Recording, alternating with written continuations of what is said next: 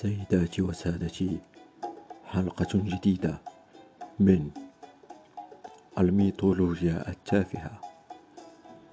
ضيف الحلقة أبو القرطاس الفزففاوي رحالة العرب وعلامة زمانه.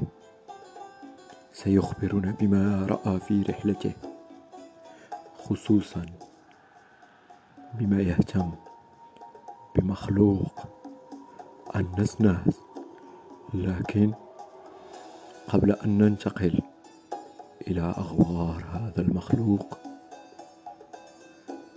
سندعكم مع الإشهار.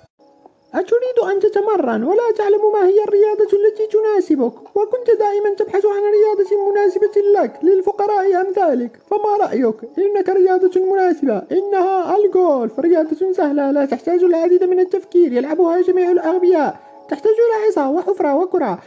ما دامت الحفرة موجودة فالكرة ستدخل في الحفرة. وما دامت العصا موجودة فالعصا ستدخل في الحفرة أيضا. لا أقصد العصا ستضرب الكرة وستدخل الكرة في الحفرة.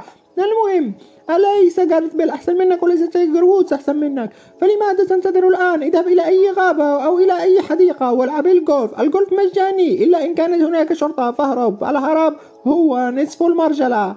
هيا نعود إلى برنامجنا. قبل أن ننتقل إلى ضيفنا سنعطيكم تعريفا لمخلوق النسناس. النسناس هو نوع من القرود الصغيرة لكن ليس هذا هو النسناس الذي سنتحدث عنه اليوم. هو كائن خرافي أو نوع غريب من البشر. وهناك من يقول أنه من الجان. وجوههم في صدورهم وقيل إن الواحد منهم يثب على رجل واحدة.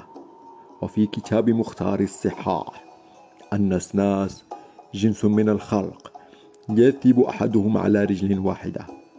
وذكرت هذه الدابة أيضا في كتاب المعارف وكتاب أعلام النبلاء وكتاب المستطرف في كل فن مستظرف وكتاب غريد الحديث لابن الجوزي.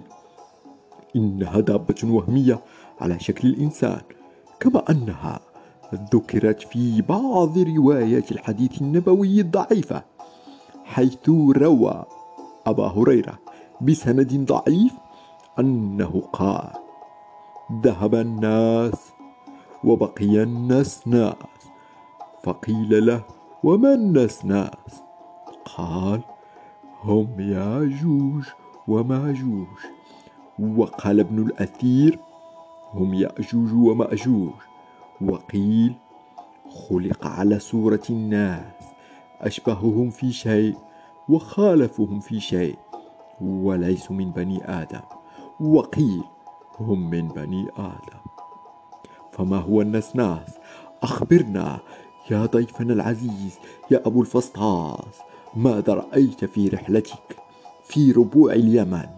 أخبرنا بما شاهدت. السلام عليكم. وأنا في رحلتي الغريبة إلى ربوع اليمن حيث أنني كنت أبحث عن سر الكون والحقيقة المخفية. فإذا بي أجد مخلوقات تأكل العشب وتغني بالعربية وتجري على قدم واحدة بسرعة فائقة.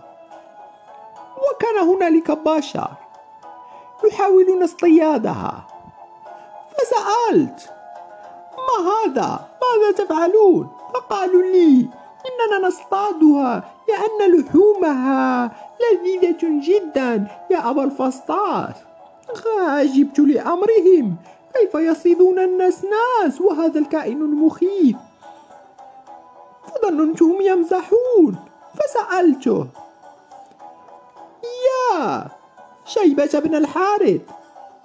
ما رأيك في النسناس؟ قال لي قدمت الشحر على رئيسها فتذاكرنا النسناس. فقال لي صيدوا لنا منها. فلما أن رحت إليه فإذا بنسناس مع الأعوان فقال النسناس أنا بالله وبينك فضحكت وقلت خلوه خلوه.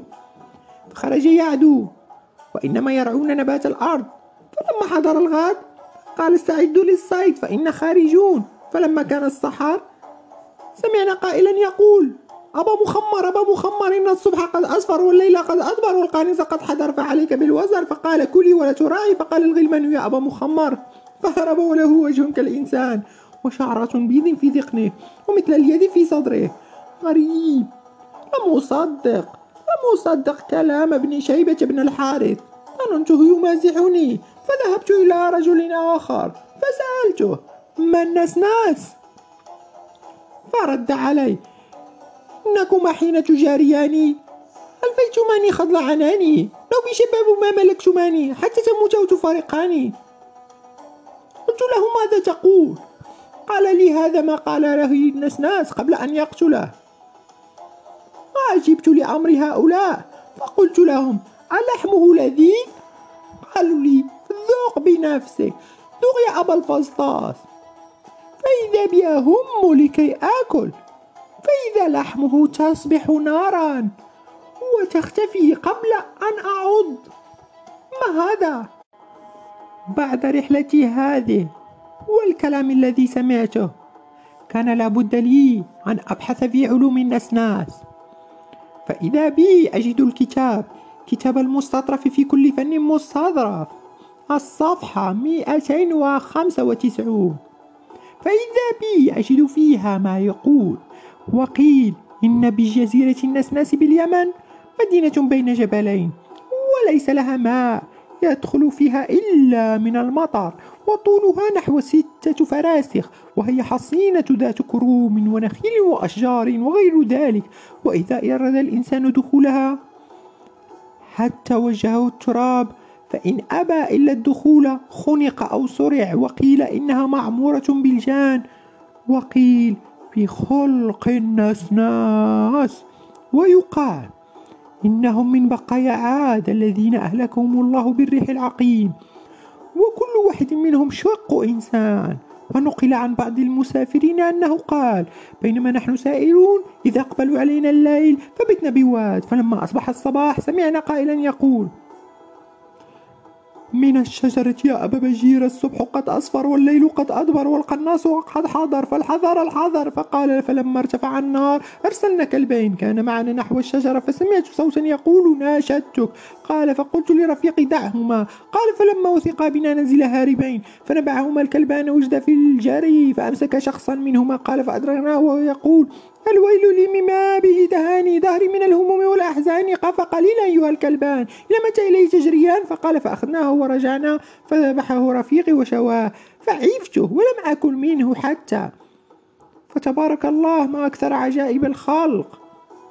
آه تقصد أن هذا الكلام هذا يجب أن نصدقه أولا تصدق كلام الكتب وعيناي عيناي والكتب. أولا تصدق. أنا أبو الفسطاس عالم من علوم الميثولوجيا العربية. أو أكذب عليك وأقول إني لم أرى وأنا رأيت. أو أقول الحق وأنا أعلم الباطل. لا يا ولد لا يا ويلك. إنني رأيت النسناس بأم عيناي. وبهذا التصريح الخطير نختم حلقتنا من الميثولوجيا التافهة مع أبي الفسطاس الذي رأى النسناس. أو لم يرى فأنا لا أصدقه نراكم في الحلقة القادمة من برنامجنا الميثولوجيا التافهة. دمتم سالمين.